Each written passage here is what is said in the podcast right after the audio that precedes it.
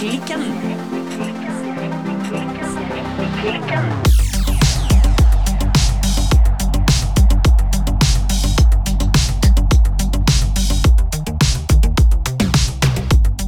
Hei, Birte. Hallo, Silje. Birte, Ja. hva strikker du i høstværet? Du, siden sist så har jeg hatt et aldri så lite strikkedrama. Oi, oi! ja. Jeg strikker jo på min Ingen dikkedarer. Ja, do not dick with my dar. Nei, eh, det går jo, som jeg har sagt eh, i mange uker nå, det går ganske sakte. Em, og i forrige uke så var egentlig den største oppdateringa at jeg kunne fortelle at jeg strikka i disse her Kubix-pinnene. Disse firkanta pinnene. Ja, de pinnene som rett og slett Ja, de ser litt snåle ut for folk som er Ja. vant til å strikke med runde pinner. Men Ja. eh, ja, du har jo, vi har jo snakket om de flere ganger før. Ja, så jeg strikka i deg i størrelse 4,5, som var jo da en halv størrelse større enn oppskrifta. Skikkelig spennende oppdateringer. Em, Men så skjedde det noe. Oh. For det Jeg eh, satt og strikka litt, Mhm. og så skulle jeg bare Du vet når du skal bare drage maskene liksom litt bortover rundpinnen? Skal bære, skal bære. Ja, Ja, men du skal bare dytte litt på skyver litt på maskene så du er strikka, sant? så ikke de skal klumpe seg. Ja. Um, det gjorde jeg, og da bare røyk pinnen rett av. Av vaieren. Yes! Ja. He- Dette her er Har du opplevd det? Ja, Ja. det har jeg.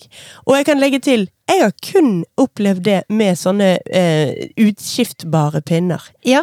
Men det har skjedd at da, altså, da løsner det mellom vaieren og den eh, metallbiten hvor du snurr, surrer eh, Nei, vrir. Skrur, heter det visst. Ja. Skrur den selve strikkepinnen på. Der har jeg hatt flere sånne vaiere som har løsnet på sånne utskiftbare sett. ja, men det var ikke det som skjedde her. Å nei! Det var Pinnen bare knakk av. Å å, wow! Og det Ja, er en fire og en halv pinne, så det er en Mens jeg bare skulle liksom drage bortover. Jeg satt faktisk eh, på, på kafé og strikka litt eh, med min mann, og så skulle jeg liksom bare dra bort, og så plutselig bare han knekk! Og vi begge to bare Hæ? Hva skjedde nå? Går det an? Ja. Så det var skikkelig, skikkelig rart.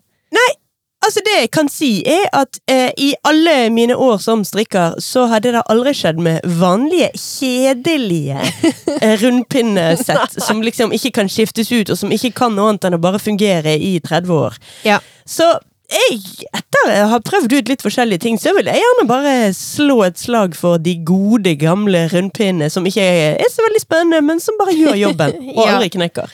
Nei, altså eh, Pinnen gikk bare rett av, og selvfølgelig da masse masker i samme renne, for du drar jo den Du drar jo liksom masken litt ut bortover, sant? Ja ja. Fast Og og selvtillit. Så det var skikkelig sånn eh, krise. Eh, så nå er jeg på galeien, rett og slett. Fordi at eh, først så måtte jo jeg rekke opp en del, Ja.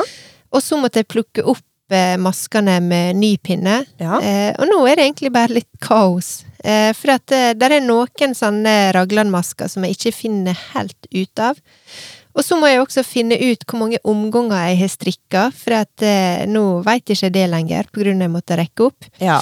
Eh, og dette er veldig vanskelig for meg, for det, når jeg må gjøre sanne, sanne moves, da, da stopper det litt opp. Ja, nei, er det som jeg tenkte For jeg hjalp deg jo litt grann før vi gikk på opptak. Ja, jeg fikk litt eh, doktorhjelp av eh, doktor Silje. ja, og Ja. den strikkepinnen du strikker med nå, var jo bare helt grusom. For den er Ja. så himla butt i tuppen. Og det var jo en sånn kriseløsning, for det var det første jeg fant eh, for å, å liksom redde over eh, maskene eh, i den størrelsen. Så jeg må leite og se om jeg har flere som jeg kan bruke. For den var veldig butt. Den var grusom. Eh, Men altså, det som jeg tenkte på det er jo ikke mer enn et par uker siden jeg fant en hel ball av eh, rundpinner.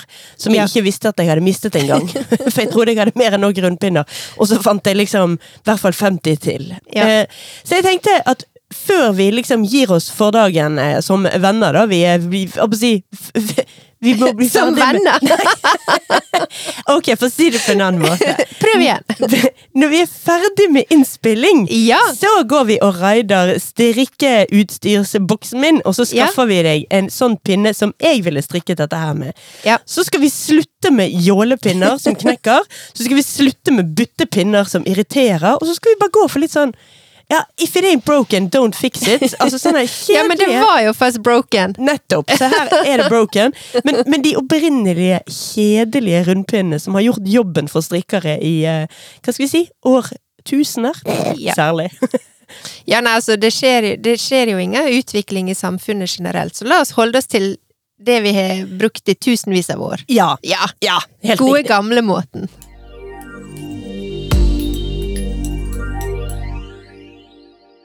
Det som jeg også fant ut når jeg Altså, disse pinnene som du nå snakker om, som var veldig bytte butte og ikke så veldig eh, gode, kanskje, men i metall, da. Ja, men de var Ja. elendige. De var skikkelig irriterende. De var ikke så gode. Eh, men det som jeg merka når jeg bytta over til dem som en slags sånn kriseløsning, det var jo at eh, tråden, eller garnet, sklei jo veldig mye enklere på den pinnen. Ja, altså Så det var mye lettere å strikke med den, men jeg må få en spissere tupp på Ja. deg. Ja. Så altså, strikkepinner må være glatte og spisse. I hvert fall for deg som strikker så løst. ja. Nei, motsatt. Ah, det var det jeg mente. Ja. I hvert fall for deg som strikker så stramt, er det jeg prøver å si. Nå må ikke du høre på hva jeg sier, du må høre på hva jeg mener. Hva du tenker. Ja, Ja. ja det, det er der vi må ligge. Ja. Altså, jeg som strikker dødsløst, burde jo egentlig bruke litt sånn eh, Ikke akkurat ru, men iallfall ikke de glatteste pinnene. Nei. Men jeg gjør nå det likevel, for det er så deilig. Da bare flyter det. Men jeg mister jo masker støtt og stadig om å hente opp igjen eh, ting fra gulvet og alt mulig. Ja. Men, men det er i hvert fall digg å strikke på den måten. Ja, men jeg merker faktisk spesielt disse kubikspinnene. De er litt sånn ru på overflata, så de er faktisk eh, Jeg kjente i hvert fall når jeg gikk over til disse metallpinnene, at eh, da sklei det mye enklere. Og strengt tatt er jo det det jeg trenger også med disse arm armene mine. Mm. Eh, noe som bare glir, og som ikke trenger å bruke så mye kraft på å liksom strikke med. Så nå, i episode én million av Strikkeklikken, og med mye diskusjon om strikkepinner, så Ja. går vi nå over til den endelige anbefalingen. Gå for de kjedeligste pinnene du kan finne i strikkebutikken.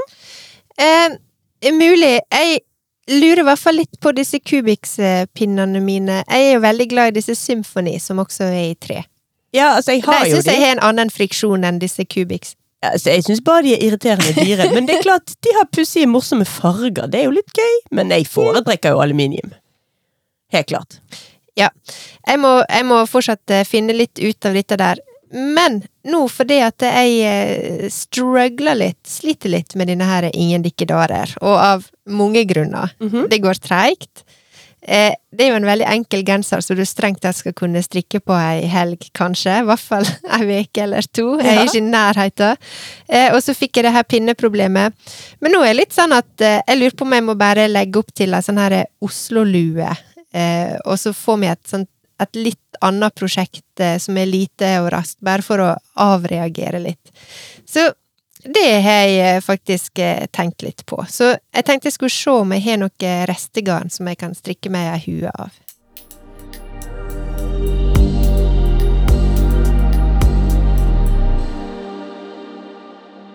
Og du, Silje, hva strikker du på? Jo, jeg har fått med et lite problem, jeg også. Ja? Altså, jeg strikker jo i vei på denne her ribbed jumper fra Anne Wendsel. Ja? Og på bildene, liksom i oppskriften, så er den veldig fin. Ja. Jeg har jo nevnt tidligere at jeg syns den er for vid og løs under ermene. Ja. Så der har jeg modifisert oppskriften litt. Ja, det er jo alltid litt eh, Det er jo både litt spennende og litt eh, skummelt. Men jeg har jo modifisert oppskriften allerede i begynnelsen, for jeg strikker jo med helt annet garn enn oppskriften sier. Så Ja. la oss nå Ja. begynne der. Ja. Så modifiserte jeg den enda litt mer, fordi at den skal egentlig strikkes med German short rose også i bolen nede. Altså sånn at den skal bli lenger bak enn foran. Ja. Lenger over rumpa enn over enn foran. eh, det gadd jeg rett og slett ikke. Nei, hvorfor ikke? Det var ikke noen annen grunn enn at no, altså, denne har jo veldig, veldig, veldig dyp raglan. Ja. Så da er du liksom på raglan veldig lenge. Så det er et veldig kort stykke du kjører eh, bolmotorvei på denne genseren her. For du liker motorveien. Jeg liker den tankeløse motorveien. Ja. Og så når jeg lå der og koste meg på motorveien, så plutselig begynte han å bable om at nå måtte jeg følge med på oppskriften igjen. Og så strikkes det jo også i perleribb? Ja. så du må følge med på annenhver runde er det rett og vrang, og annenhver runde er det rett hele veien. Ja, så motorveien har litt sånn fartsdumper innimellom. Det er akkurat det den har. Ja. Og når det da kommer German short rose i tillegg, så bare kjente jeg «Åh, Nei. Ikke. Ikke sånne her eh, avsvinginger og un Nei, håper måtte- si rundkjøringer på Orket ikke følge med på kartet. Nei. Rett og slett. Orket ikke. så jeg bare hoppet over det, og så striket jeg bare Huta meg ned til eh, ribben, som er sånn vrid, vridd ribb nederst, Ja. og felte av. Ja. Så nå mangler den eh, ermer, da. Ja. Men uh, utenom det så går det liksom fint med den. Men så prøvde jeg den, Ja. og så satt den ikke så pent på. Nei. Men det er jo en genser som har ganske spesielle ermer, og som skal ha en litt sånn tyngde. Ja. Så, og, og denne her eh, perleribben forandrer seg ekstremt mye når man vasker den og damper den. Ja. Så det er et plagg som er veldig vanskelig å vurdere før det er 100 ferdig. Ja, for jeg vil jo tro at altså, armene er jo en veldig viktig del av fasongen, rett og slett. Og er jo med på å skape kanskje det som er, er liksom signaturen på, på design eller fasongen for, eh, for genseren. Ja, for den skal liksom være litt sånn tung nede. Mens mm. foreløpig så ser jeg bare skuldrene ekstremt breie ut når jeg har Altså mine skuldre ser ekstremt breie ut når jeg har den på, og blir veldig sånn topptung. Ja. Men det er jo bare en, kan, altså det har jeg opplevd før med klær jeg Overkroppsklær. Og så Ja. kommer ermene på plass, og så bare ah, Ja. Der! Nå, nå satt det. Men er akkurat nå er jeg litt sånn demotivert på hele prosjektet, for å være ærlig. Rett før eh, Sleeve Island så er du demotivert i tillegg. Det er akkurat det jeg er. Ah, Men jeg har jo en annen ting som jeg gleder meg sånn til å begynne å strikke. ja. Og det er jo denne her Nord-genseren fra Strikkekaffe. Ja. Du vet, hun som vi snakka med forrige uke. Ja, sant? Ja. Det var så kjekt. Det var helt fantastisk. Og der har jeg hatt mye vurderinger fram og tilbake om hva slags garn jeg skal strikke den i. Ja. For den gleder jeg meg så mye til at her har jeg faktisk eh, begynt å forberede meg. Såpass, ja. Ja. Jeg tenkte lenge på å gå for noe håndfarget garn, og jeg vurderte forskjellige ting. ja. Men så har jeg rett og slett falt på at nei, jeg syns de bildene av den helt superstandard genseren der er så fine Ja. at jeg skal strikke det ikke bare i riktig garn, men til og med i riktig farge. Oi!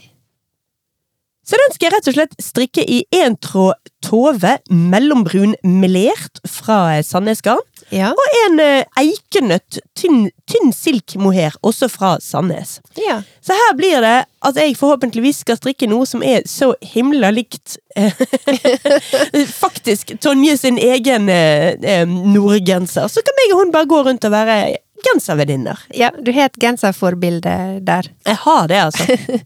Men altså, vi har jo snakka om det før, eh, jeg tror det var når vi snakka om eh, strikkeoppskrifter, at eh, det er jo en grunn til at der er et originalgarn, altså et garn som er anbefalt eh, til oppskrifter. oppskrifta. Og Ja. eh, av og til så tenker jeg at eh, ja, det, det er kjekt å av og til finne alternativ, og det kan være mange grunner til at en kanskje må finne et alternativ. Det kan jo være pris eller tilgjengelighet eller Ja, og jeg er jo glad i å prøve ut håndfarget garn og litt Ja. sånn pussige fargekombinasjoner. Ja, men av og til så kan det enkle ofte være det beste. Du veit, det er nå ofte det jeg detter ned på. Men eh, det blir spennende å se, eh, og jeg tenker at eh, hvorfor ikke bare følge oppskrifta av og til?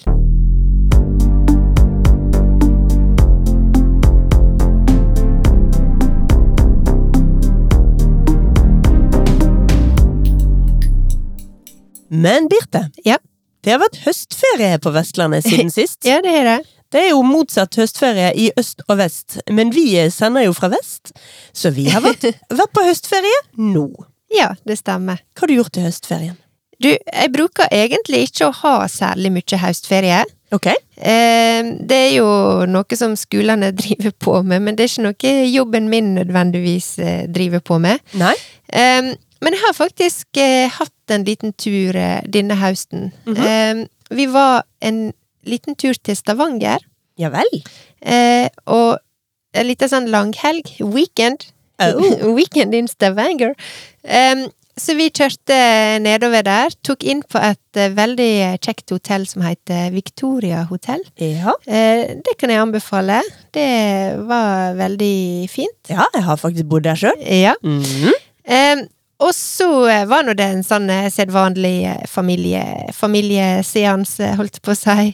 Vi koste oss, spiste god mat, fikk bytta, bytta stove for et par dager. Ja. så det er alltid bra. Og så kjørte jo vi nedover, men der er jo to ganske lange ferger på veien, så jeg fikk jo strikka litt. Så en fin sånn strik, strikketur, kan du si, selv om, du må, selv om det er jeg som kjører bil i vår familie, da, så fikk jo ikke strikka da, men Nei. eh, det ble litt eh, fergestrikking. Det er fint. Jeg elsker fergestrikking. Det er, altså Enhver form for turstrikking er virkelig right up my alley. Absolutt. Hva har du gjort på det, Silje? Nei, altså, meg og dattera mi vi eh, tok oss en tur til Geilo først. Ja. Og så møtes hele familien på søs søsteren min sin hytte i Sudnedalen. Ja. Som det ligger egentlig ganske nærmt Geilo. Ja. Så det var helt topp. Det var jo ikke akkurat eh, superhøstværet, da. Nei. Så mye innesitting, kakao, strikking og egentlig ja, sånn peis og strikking på fjellet. Men er ikke det perfekt, da? Det er jo akkurat det det er. Trenger er en mer? Nei, det er good life. Rett og Ja. good life, good life. Good life, good life good... Det er en låt, det. Na, na, na, na. Ja, ja. Ja. ja. Jo, elsker den. ja. Nei, det var rett og slett høstferien min. Good life på fjellet.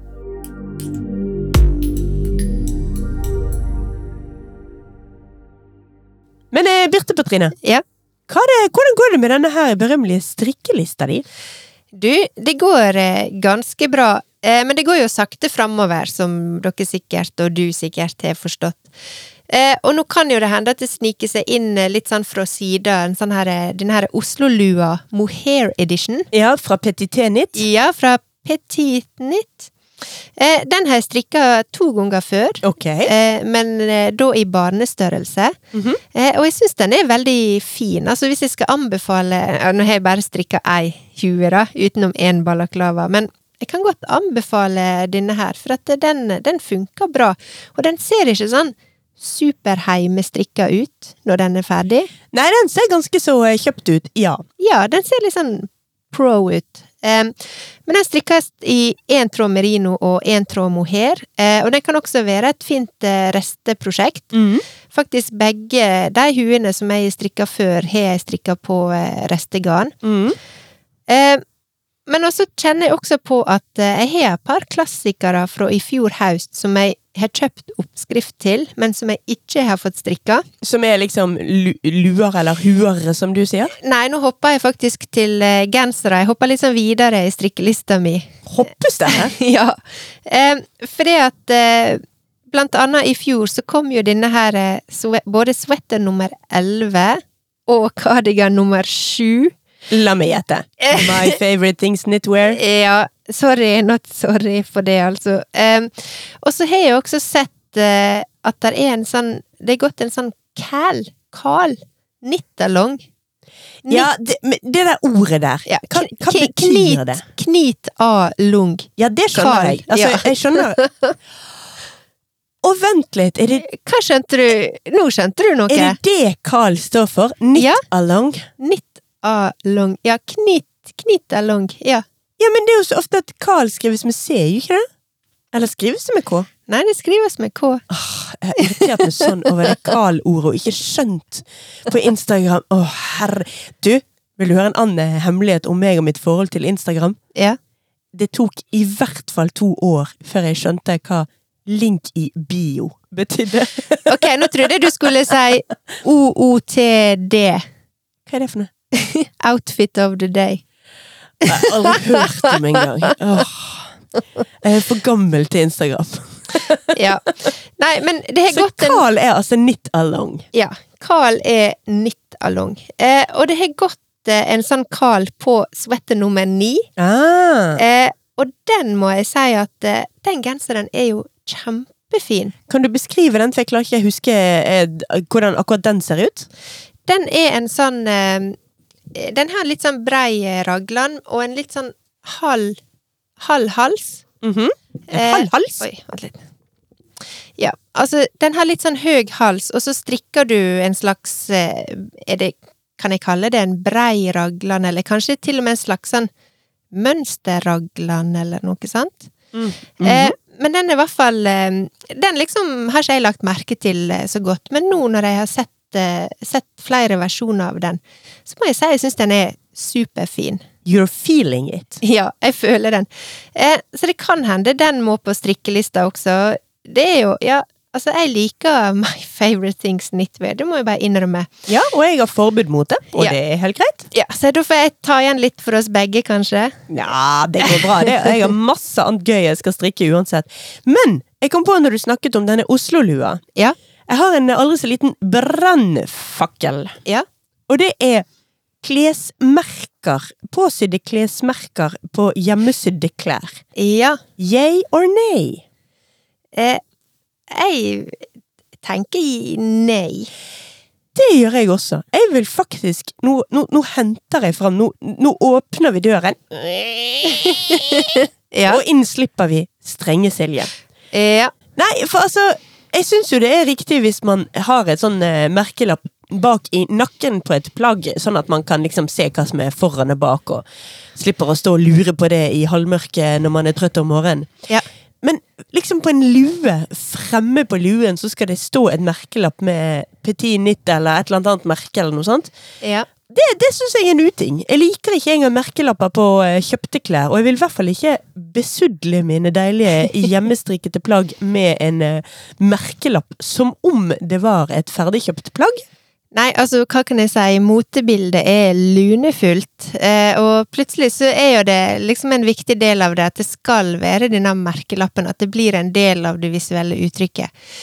Så hvis du er strenge, Silje, jeg kan være litt eh, diplomatiske, Silje. Jeg syns det er helt Diplomatiske Silje. Hvis det er greit Eh, ja. for deg, så er jeg Silje, og så er du Birte. Jeg kan være strenge Birte, så kan du være diplomat Birte. ja.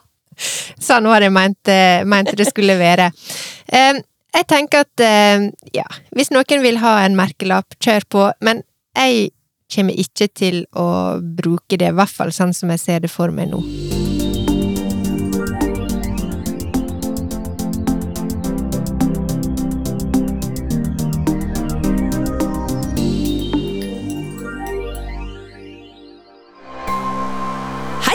Vi er Silje og Birte fra Strikkeklikken. Vi lanserer nye episoder hver eneste onsdag. Du kan høre oss via Spotify, Apple Podcasts eller hvor du nå enn foretrekker å finne podkastene dine. Følg oss gjerne på Instagram og Facebook at Strikkeklikken.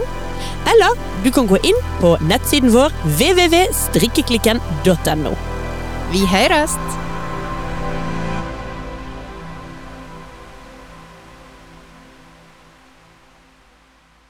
Før jeg eh, på en måte håper si, besudler meg helt inn i My Favorite eh, Things Knitwear, så skal jeg være litt eventyrlig før jeg eventuelt kaster meg over Tja, jeg har nå lyst til å strikke både nummer 11 og nummer 7 og nummer 9 og sikkert flere også. Så skal jeg faktisk eh, være litt eventyrlig og strikke meg en restegenser fra Lerkebagger. You crazy mama. Ja, nå, det er på tide. Nå har jeg snakka om det lenge. Jeg har samla restegarn. Det begynner å bli ganske mye. Og da er planen denne her all over scrap sweateren. Um, og der er også en Det heter The No Limit Sweater. Ja. Som er jo da strengt tatt um, rester all over. Altså det er ikke sånn stripe med, med restegarn som du putter inn her og der. Dette vil være en restegenser all over. Full kaos, Over rett og slett. Ja. Men jeg er ikke så glad i fullt kaos. Sånn at eh, planen min er jo å strikke denne her i litt sånn duse, delikate farger. Men det skal knytes sammen, og det skal være jeg håper si hipp som happ. Det skal være mohair, og så plutselig ull, og så plutselig en tjukk tråd, og så plutselig en tynn tråd. Og det skal være knyta og alt dette her, men jeg har lyst til å ha at fargespekteret, det blir ikke knallrosa og knallblått og chartrus, for eksempel. Som med andre ord liksom full fargekoordinert kaos.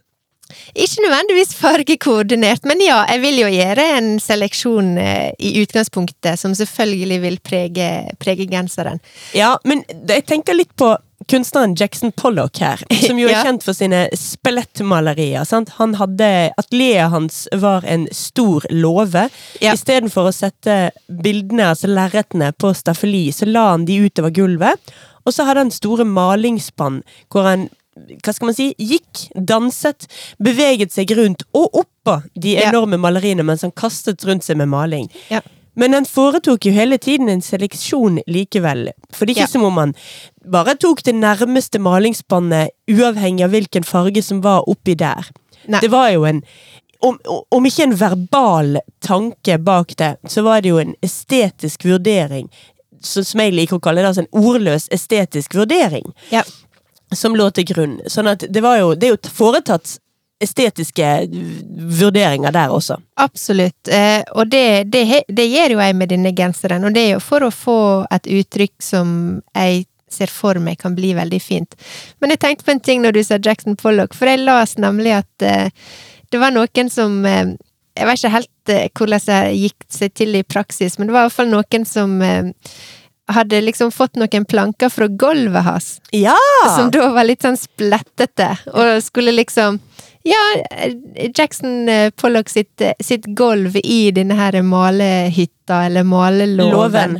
Eh, og det er jo litt morsomt, for at der eh, Hva tenker du da? Er det fortsatt kunst? Ja, nå kanskje vi skifter tema, men jeg syns bare det var litt sånn morsomt, for det er jo liksom han. Ja, det er jo han, han, og det er malesøl. Men hvis man tror at Jackson Pollock er tilfeldig, eller var tilfeldig malesøl, så har man jo misforstått veldig mye. Det er jo det jeg snakker om, at det var jo en seleksjon der.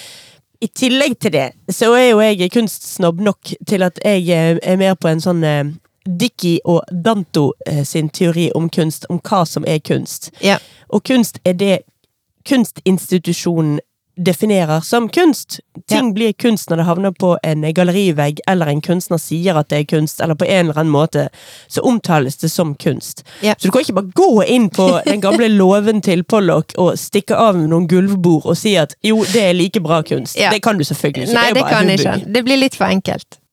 Apropos litt sånn der deler av interiøret fra store folk. Ja? Vet du hva jeg har inne i stuen min? Nei? Jeg har litt av panelet fra hytten til Wittgenstein. Ja? Ja. Står oppå et skap. Nei, det jeg var med på et eh, kunstprosjekt i Skjolden, i, innerst i Lystrafjorden, der de har eh, Altså, Wittgenstein, den store filosofen, hadde en hytte der, som Ja. sto over eh, noe som heter Eidsvatnet.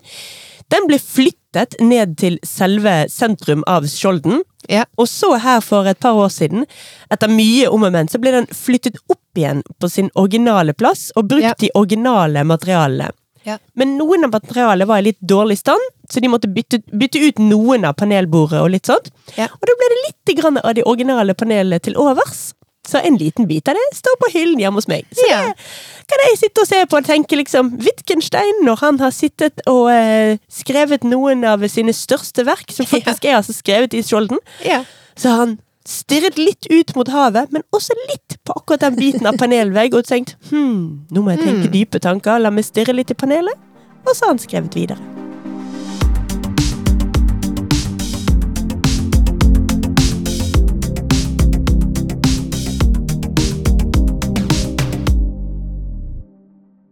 Men det var jo da digresjonenes digresjon. ja. Men har du strikkeliste, Silje? La oss eh, komme tilbake på sporet. Ja. Nei og ja. Men Ja. mest nei.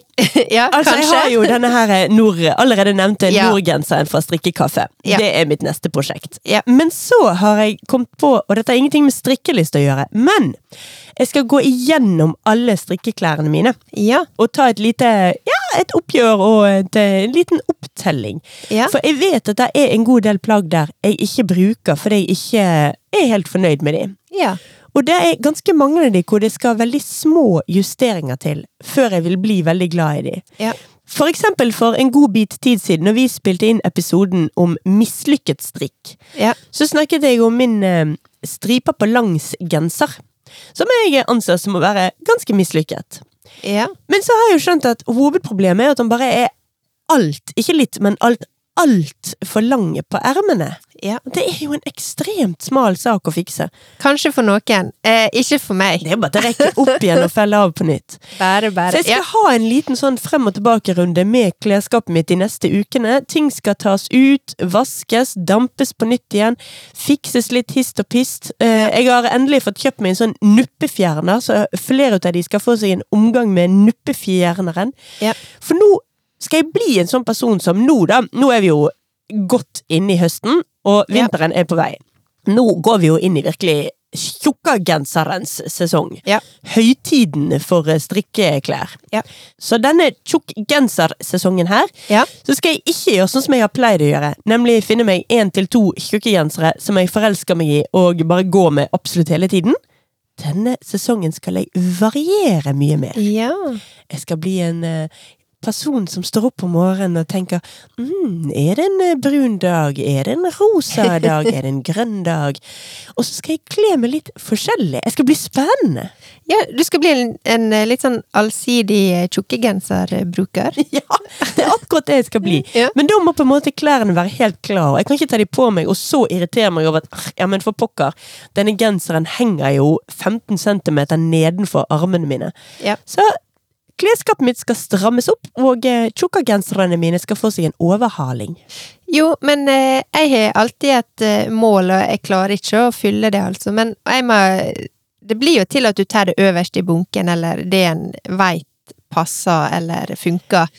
Men mitt mål eh, med min garderobe, det er at jeg bare skal kunne liksom velge i blinde. Og så uansett hva han da liksom stopper og tar tak i, så skal, liksom, så skal jeg være liksom 100% fornøyd med det. Eller i hvert fall hjelpe meg. 80 eller i hvert fall fornøyd nok til at eh, jeg tenker liksom når jeg har det i hånda Ja, nei, men denne kan jo jeg bruke.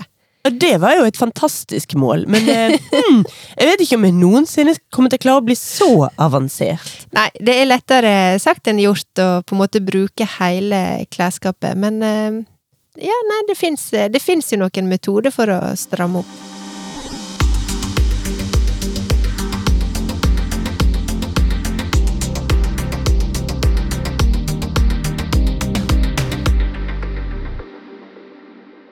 Men Birte, Ja. nå har vi snakket om både klesskap og Wittgenstein og dess like. Nå Ja. må vi hute oss tilbake på strikkoppskriften oppskri strikkeoppskriften og Ja. snakke om det vi skulle snakke om i dag. Ja. Nemlig sosial strikking. Ja. For det har jo skjedd noe de siste hva skal vi si, ukene, månedene. Ja.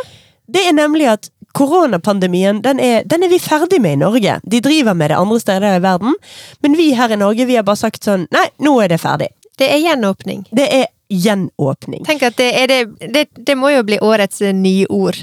Gjenåpning. Ja, At det skulle bli en så stor greie, liksom. Gjenåpning! Nei, altså, nå har vi dansa jenka-rekke på eh, byens nattklubb, og eh, vi har jo vært på strikkefestival. Vi Ja. har ja, klint med fremmede folk. Nå er vi i gang. Ja. Og som allerede nevnt, altså vi hadde vært på strikkefestival, men Ja. det er jo også ekstremt mange flere sosiale strikketreff som popper opp både på eh, ja, land og på strand. Kanskje ikke så mye på strand, men i hvert fall i land. Aldri så aldri. Nei, men altså, å strikke aleine, det funker jo faktisk veldig bra. Ja da. For strikketøyet, det er jo veldig kjekt eh, selskap, men å strikke i lag med andre, det er jo det kjekkeste. Ja. Og det behovet for å strikke sammen, eller liksom være med noen andre, det merka jeg Det kom jo veldig fort etter at jeg begynte å strikke. Det var jo ikke så lenge etter jeg begynte å strikke at, det- at eh, vi begynte å hooke opp eh, på strikkekafé. Nei. Eh, Men da, det klarte jo vi å gjøre under koronaen også, da. Ja, det er jo fordi at vi etter to minutter inn i pandemien bestemte, for, bestemte oss for at vi var i samme kohort. Ja. Men det er jo også veldig mange som har begynt å strikke under eh, pandemien. Ja. Som har lært seg strikkekunsten via ja, YouTube-videoer og fortvilte telefoner hjem til humor. Ja, litt sånn eh, lært seg å strikke med avstand til andre folk. Ja. Og nå kan jo de få begynne å krabbe ut og være med på strikketreff. Altså, det var jo veldig gøy på Bergen strikkefestival. Ja. Og det å se alle som eh, samles eh, der, det var jo veldig kjekt når vi hadde innspilling der også, at eh, alle liksom fant sin plass og satte seg ned. Og så var det liksom fram med strikketøyet, og så bare sitte og strikke. Og i kafeen der så var jo det også veldig mye strikking. Ja, ja, ja. Fikk du strikka noe på festival, Silje? Ja, jeg strikket helt i begynnelsen, og så, når vi etter at vi hadde spilt inn eh, episoden vår, og vi skulle sende utstyret av gårde med våre respektive menn mens vi skulle være igjen, Ja. så presterte jeg pinadø å sende med strikkevesken min. og det er en av de gangene jeg har sittet på kafé med mest urolige hender og skikkelig sånn kjent på jeg har ikke strikketøy. Jeg sitter bare Ja. her og veiver med fingrene. Ja. Så det var, det var en stor sorg at jeg ikke fikk strikke samtidig der. Ja. Men jeg tenker jo også at vi to har jo ikke vært en veldig sånn aktiv del av et større strikkemiljø. Vi har aldri gått særlig mye på strikkekafé med andre, sånn organiserte treff. Nei, men det, og, men det er jo også gode grunner til det. For dette, det har jo Alt dette her har jo blitt satt på pause gjennom pandemien. Ja. Og jeg tenker at vi er jo sikkert ikke de eneste som eh, Altså, når det er så mange som har lært seg å strikke gjennom pandemien, så er jo det veldig mange som er i den båten der du på en måte Ja, liksom Å ja, strikketreff, hva er det for noe? Fins det? Ja, og så i utgangspunktet så blir jeg også som person litt redd, litt redd for sånne treff. Og det er jo, man skulle kanskje ikke tro det hvis man bare har hørt stemmen min via podkasten Strikkeklikken. Men jeg er jo ikke, jeg føler meg ikke veldig trygg sosialt alltid. Jeg kjenner veldig ofte på en sånn her Oi, jeg er litt rar og stikker meg litt ut og strikker litt annerledes og veiver litt for mye med armer og bein. Og jeg er alltid hun som velter kaffekoppen utover bordet og strikketøyet til andre. Så jeg føler meg ikke alltid liksom trygg i å komme inn i en setting hvor man ikke kjenner hverandre, og hvor det er organisert, og man på en måte skal sette seg ned, og det man har til felles, det er strikking. Jo, jeg ser jo den. Jeg eh, har ikke noe problem med å innrømme, eller si åpent, at eh, jeg er ganske introvert. Sånn at for meg å være i, i på en måte nye sosiale settinger, det, det er ikke min sterke side. Jeg, jeg blir eh, Der kanskje du reagerer litt annerledes med å, å liksom veive og, og rope og, og jeg vet ikke, velte kaffekopper, så, så blir jeg hun der litt sånn forsiktige personen som setter meg bak i kroken og liksom bare kikker på alle andre, og så kommer jeg ikke helt på eh, hva jeg skal si. Nei, og dette er jo litt leit. Ja. Fordi det er Altså, det vi strikkere vi, Alle verdens strikkere Ja. deler jo selvfølgelig verdens beste hobby. Ja. Som er veldig gøy å dele, og veldig Ja. gøy å snakke om. Et bra utgangspunkt for sosialisering, vil jeg si. Det er jo akkurat det det er. Ja. Og det som er også veldig gøy i min, eh, i min hverdag, det er at eh, jeg har jo litt mange jobber. Ja. Og en av de er jo at jeg er styreleder for Kunstgarasjen. Og der har alle begynt å strikke. Ja. Og er, det er så koselig å snakke om det og Ja. diskutere det. Og liksom sånn, vi kan ha veldig viktige ting vi skal snakke om. Store budsjetter og skumle utstillinger og ting som må gjøres. But first But first Se på dette garnet! ja. Så det har vi det veldig gøy med. Og det, det, det er så godt når man kommer til det stedet der, altså. Ja. Nei, for det som vi ser nå, det er jo at etter Eller i denne gjenåpninga, da. Mm. Kanskje vi heller skal bruke det ordet heller enn eh, etter pandemien. Eh, Så har jo alle disse her fysiske fysiske strikkecommunityer våkna til live. Ja. Og for alle som på en måte har sittet hjemme og vært kanskje det vi kan kalle en sånn, om det er koronastrikker eller alenestrikker, eh, nå er jo det på tide å komme ut av skapet, rett og slett. Det er jo det. Så at mange har vært eh, ute loud and proud strikkere på sosiale medier. Ja. Men nå kommer de ut i den virkelige verden og får møtt folk. Og det, Ja. er, det er jo noe helt unikt og vakkert ved det.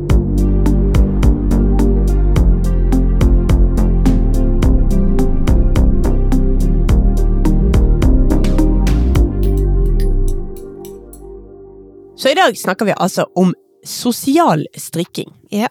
Altså strikking i et sosialt fellesskap. Ja, fysisk. Fysisk, ja. Ja. Vi snakker ikke om sosiale medier. Nå har vi beveget oss ut fra den digitale verden. Ja. Kommet ut, klemt hverandre, tråkket på hverandres garnnøster. Ja. Mm, det er deilig.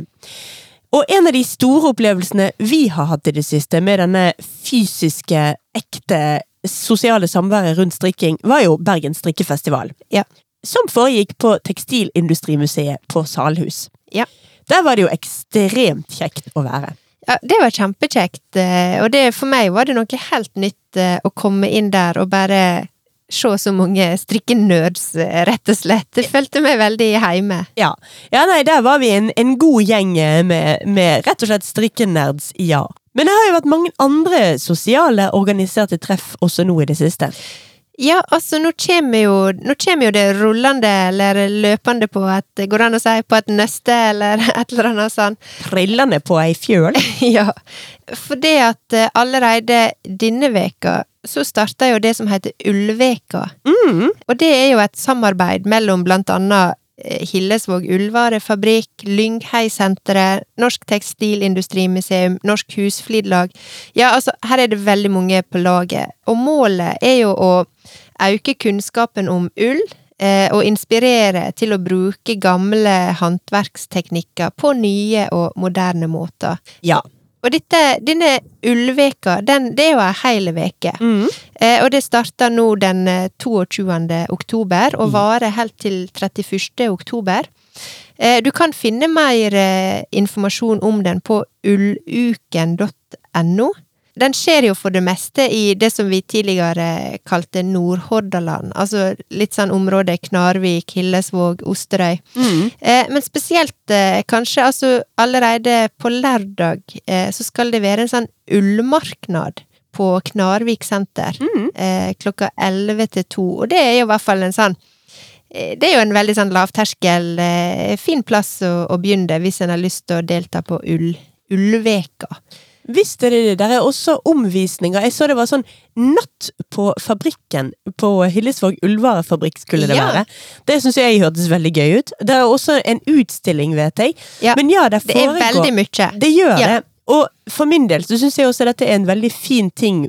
For du nevnte ikke så mye at dette er jo selvfølgelig da kortreist ull vi snakker om her, og norsk ull. De står jo selvfølgelig ikke på Ullveko på eh, Knarvik og reklamerer for eh, ull fra New Zealand. Her Nei. er det jo staut norsk sau som skal få lov å vise seg fram og skinne. Ja. Og det er jo et konsept jeg eh, kan stille meg helhjertet bak. Absolutt. Samme helga så går jo også Stavanger strikkefestival av stabelen. Ja! Så litt mer for de som bor i det området. Ellers er jo det ganske kort vei fra Bergen til Stavanger, for eksempel. Jeg så jo på Bergen strikkefestival at det var jo veldig mange tilreisende. Det var det, og som vi allerede har blitt enige om i denne episoden, det er jo bare to eh, strikkeferger eh, Ja. mellom eh, Stavanger og Bergen. Det er jo det. Og det som er litt kjekt, er jo at du ser jo at det her er digitale strikkecommunityet. Det, er jo grenseløst. Ja. Men så ser jo en det at når det da blir fysiske, så er liksom den her eh, Hva skal jeg si Avstanden Altså, jeg tror nok at eh, det digitale samholdet også gjør at det kanskje er lettere å reise for å treffe andre fysisk. Mm. Og det er jo, altså man kan si mye varmt og fint om det digitale samholdet. Fint og flott, det. Men det vi jo holder på med, alle mann, alle mann som strikker, Ja. det er jo et veldig eh, håndfast, taktilt produkt. Ja. Så å møtes på sånne steder og kjenne på materialene, og kjenne på luktene, og å møte folk fysisk, Ja. har en helt unik verdi. Få litt hjelp kanskje til og med, hvis det har stoppa opp. Eh, Jeg ser jo mange står jo inne i garnbutikker og, og får hjelp av eh, ekspeditørene til å løse diverse problemer en er møtt på også. Ja, altså, de som jobber i, i eh, strikkebutikker, det er jo eh, det er livsreddende mennesker mang en gang. Så å kunne liksom ta det et steg videre, og kanskje virkelig kunne sette seg ned med en kopp kaffe og spørre om ting i litt mer fred og ro, uten at det står en liksom klissvåt kunde bak deg i køen som Ja. bare har løpt inn fra regnet og bare skal ha akkurat ett nøste, men har helt riktig parti. Ja. Det kan jo være greit å gjøre av og til.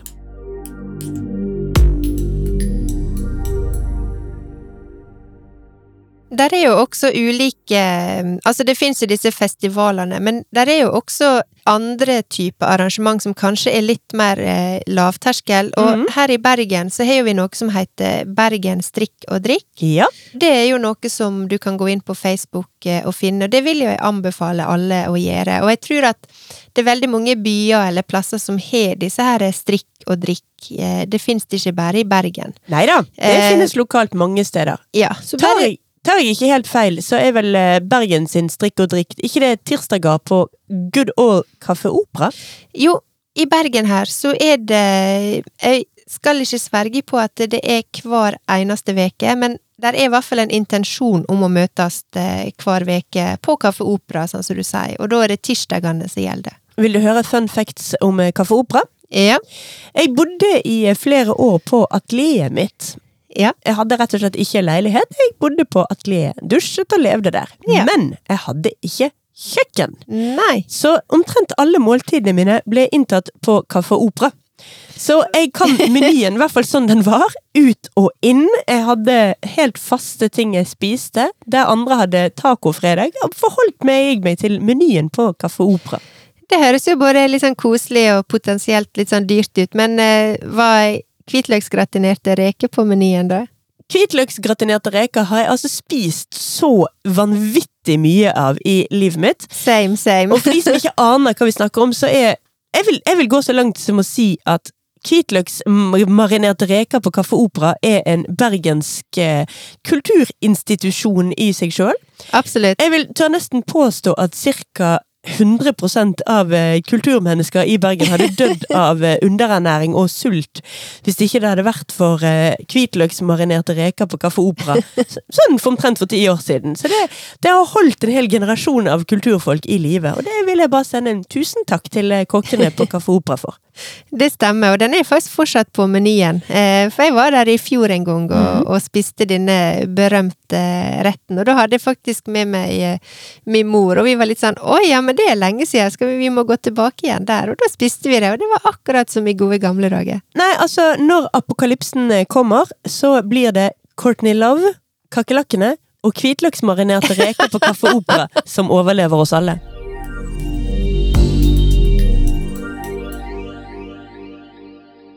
Men i hvert fall, ta og så bare søk eksempel på Facebook på eh, strikk og drikk, og gjerne altså på den, eh, den byen eller plassen du, du tilhører, og så se om ikke det popper opp et og en, ei og annen gruppe der som du kan eh, bli en del av. Ja da, du kan sikkert finne Strikk og drikk Sarpsborg, Strikk og drikk Røros. Strikk og drikk Knarken Fnarken. Det finnes strikkere over det glade land, og de er ekstremt glad i å møtes.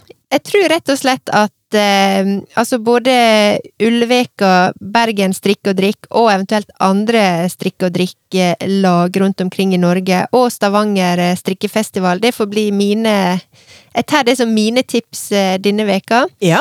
Gå og så sjekk det ut, og ikke vær redd for å eh, kaste deg ut på noen eh, fysiske strikketreff. Nei da, og selv om du eventuelt kommer dit alene, og det er litt skummelt å gå inn døren først, så bare kom inn, sett deg ned ved det første bordet og si hei, hva strikker du i dag? Ja. Så er du i gang.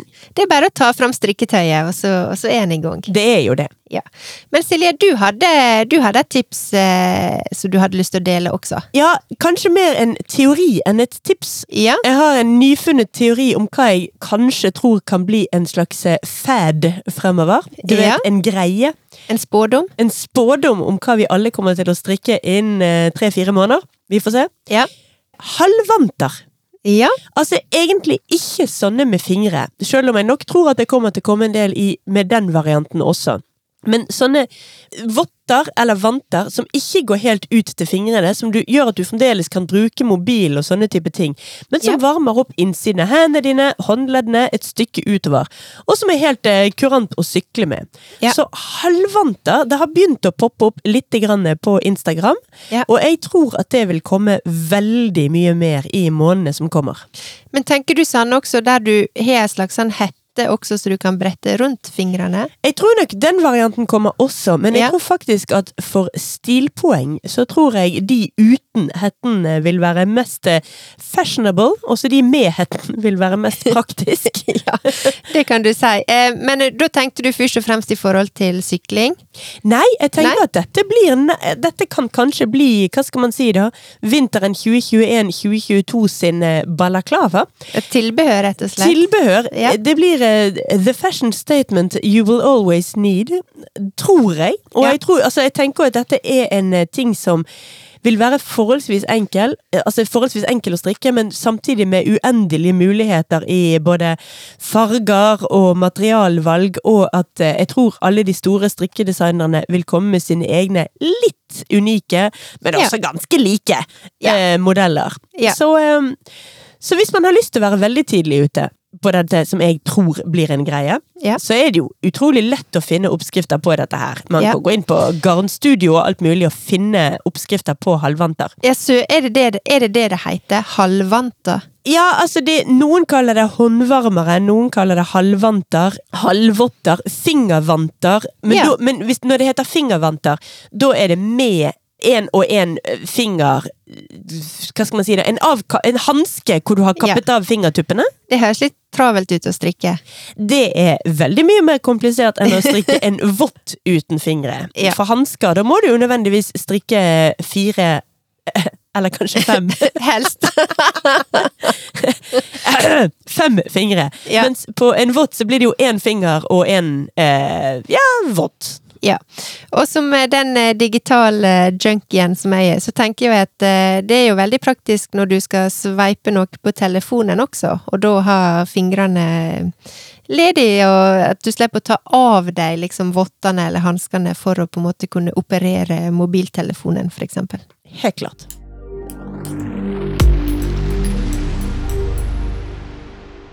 Men Birte, Ja. nå skal vi gå ut av strikkehytta og inn i eh, strikkeskapet mitt og se om vi finner en god og litt spiss rundpinn du kan få låne av meg. Ja, det var det vi skulle, jeg har glemt det allerede. Ja, nei, jeg holder ordning. ja, det er bra.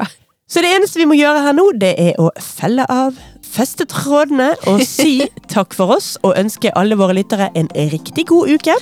Ja, jeg håper alle har hatt eh, en fin haustferie høstferie i veka som var. Ja, det gjør Ja. jeg òg.